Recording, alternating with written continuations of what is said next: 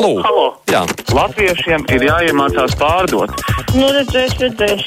Vai tā tik atkal nebūs saucēja balsts tūkstoši?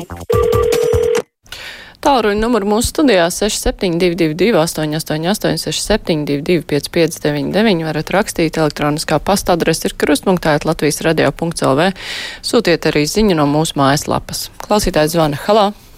Halo! Labdien! Sveicināti! Halo! Jā, jūs esat ēterā, Jā, jā, paldies. Teikt. Tīši vai netīši, bet ilgu laiku nevarēju sazvanīt Latvijas rādio. Bet, nu tā, šorīt es stāstīšu. Šorīt no rīta vedu strādniekus uz darbu, un man šī sakarā radās jautājums par pirtīm. Par pirtīm. Tais briesmīgajos sociālisma laikos daudzos kolhozos un kolhozu cienu centros bija publiskās pirtis. Mazgāšanos īsti tā kā neviens nav atcēlies, gluži pretēji. Bet mēs laukos, daudz dzīvokļu mājās dzīvojam. Un gluži kā Eiropas viduslaikos, kur karaliene mazgājās divreiz mūžā, kad piedzima un kad izgāja pie vīra. Un šī sakarā es dzīvoju Ogres novedā. Es gribētu Helmanim kopā ar Gerhardu varbūt no tiem 45 miljoniem, ko tiem e, piešķirtiem lauciniekiem, kāds grasis paliktu pāri tiem darba ļaudīm. Un varbūt varētu atjaunot tās pirtis, jo tās pirtis ir vitāli nepieciešamas šais laikos. Viņu vienkārši nav.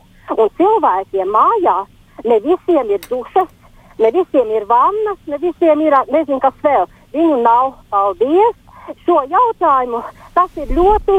E, es nezinu, es domāju, ka tas ir svarīgs Latvijas darba ļaudīm, cilvēkiem. Jā, paldies! Jā, paldies! Protams, ne tikai darba ļaudīm, pieļauju, ka ir cilvēki, kuri nav darba ļaudis, bet arī kuriem, kur nevar strādāt, piemēram, kuriem arī problēmas ar, ar eh, labiekārtotību. Diemžēl 21. gadsimtā Latvijā ir pietiekami daudz mājokļu, kur na, kuri nav labiekārtoti. Jā, pirtis publiskās būtu laba lieta. Daudzas ir pārtaisītas, diemžēl, par tādām vietām. Nē, tas ir arī labi, kur var naudu nopelnīt, uh, kuras ir smalkas, kur var atpūsties, bet vienkārši mazgāšanās jā, ir nepieciešama cilvēkiem. Klausītājs zvana. Halo! Halo! Labdien! Labdien! Jā, es gribētu izteikties par iepriekš dzirdēto sižetu. Nu, par tiem tarifiem. Nu, tā lai tomēr nemaldinātu tautu. Uh, tur ļoti lieli procenti, tur ļoti lieli ietaupījumi, bet realitāte ir tāda, ka 85% no visā tā tarifa faktiski ir piegāde un oiks. Pati tā cena elektrībai, tās ir kapeikas. Viņus manā maisāniecībā tur kaut ko mainīt div- diviem eiro gadā. Tas neko nemaina, jo tas vispār neko nemaksā. Pat elektrība nemaksā neko. Visu tarifu faktiski sastāda piegāde un oiks. Elektrības cena, nu, nu labi, nu, tur palielinājās par vienu centu gadā. Nu, ko tas maina? Neko. Ja jūs maksājāt 30, maksāsiet 31. Un viss. No tiem 31, 85% ir tas, ko jūs maksājat par piegādi.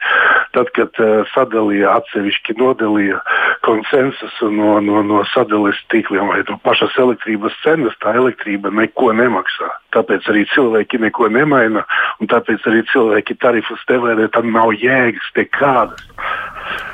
Jā, paldies. Es jums piekrītu. Dēļ tās mazās starpības nav vērts meklēt izdevīgāko piegādātāju vai prasīt, nu, ja nav ievies, ielikts viedais skaitītājs, kurš uzskaita, ja ir lielāka patēriņa, varbūt ir izdevīgi, bet ja ir neliela patēriņa, nu tā ir kā ir. Eh, Marks Vaitā vaicā. Mm, Tā, tā, tā. Labdien, ko jūs domājat par iekšlietu ministra ģirģena atbilstību ieņemamajam amatam? 9. māja pulcēšanās ierobežojuma klāja neievērošana pārdaugavā bija fantastiska. Es ar interesi gaidu viņa paskaidrojumus eh, premjeram, kas ir pieprasīti, bet eh, jā, man šķiet, ka bija jau paredzams, ka pulcēšanās būs tāda, kāda tā bija, un varēja padomāt, uh, lai tīri fiziski neļautu cilvēkiem tā vienkārši pulcēties. Skaidrs, ka viņi tur nāks, un to varēja paredzēt. Klausītājs zvana, halo!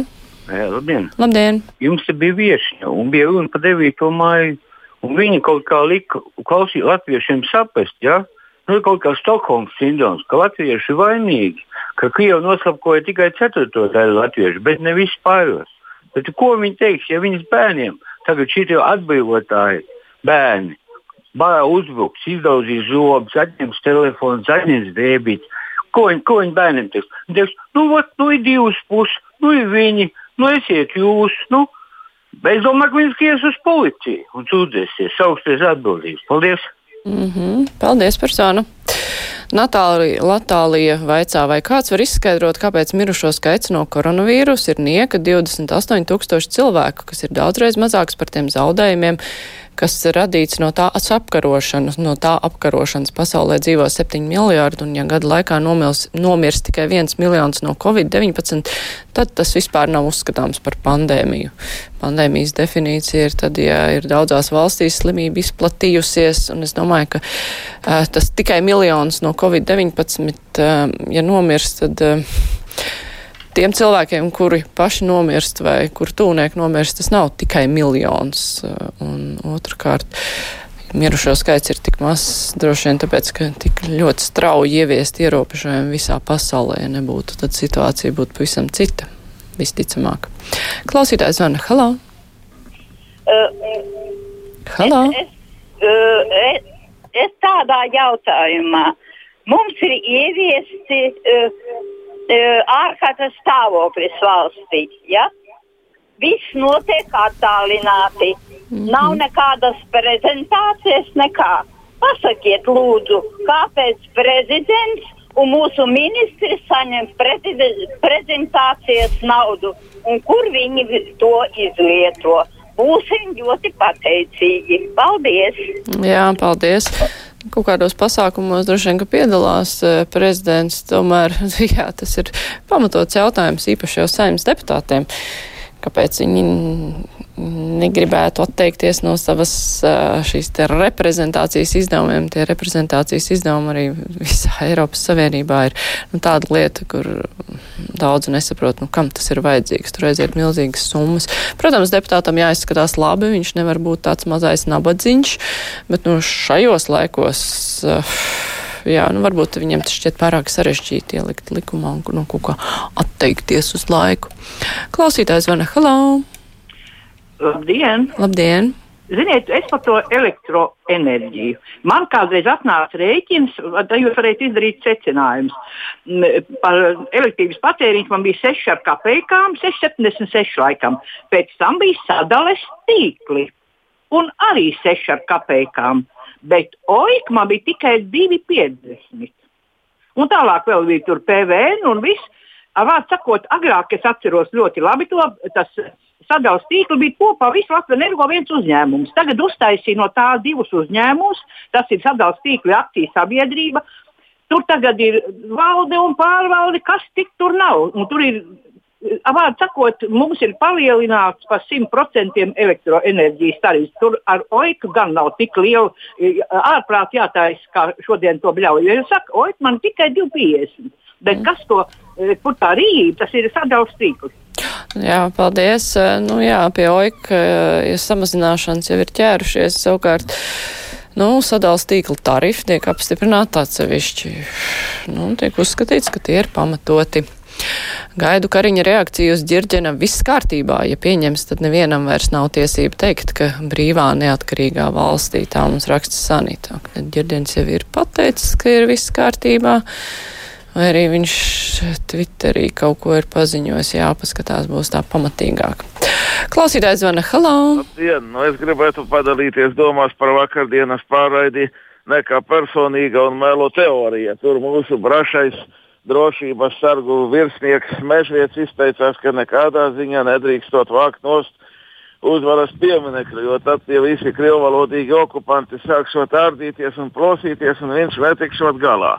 Nu, ziniet, ir jau sen skaidrs, ka mūsu drošībnieki tikai latviešu patriotiem spēj karot, bet ar īstajiem latviešu tautas ienaidniekiem viņam cīnīties vienmēr dušas ir pietrūcis. Bet tad vajadzētu godīgi pateikt, es netieku galā, es atsakos no sava amata, demisionēju un ievēliet manā vietā kādu citu labāku, spējīgāku cilvēku. Un, ja viņš pats to nedara, tad vajadzētu atrasties vismaz kādiem pieciem drosmīgiem saimas deputātiem, kuri tad aicinātu izteikt viņam neusticību. Un vēl tur tika stāstīts, ka latviešu regionārus gribot tiesāt, tur Krievijā jau ierosināt kriminālu lietas un tā tālāk. Es domāju, tai lietai vajadzētu nopietni pieiet un uzlikt viņam apsardzi, ja tiešām ir tādi cilvēki, pret kuriem Krievija taisās vērsties, jo uzbruks viņi vai neuzbruks, bet mums ir galvenais parādīt savu labo gribu, ka tie ir mūsu ļaudis un ka mēs esam viņus gatavi aizstāvēt līdzīgi, kā tas ir noticis Čehijā. Un visbeidzot, kad Rihards Kols sāka runāt pilnīgi pretēji Edvīnam Šņoram, savam partijas kolēģim, Edvīns vienmēr ir teicis, ka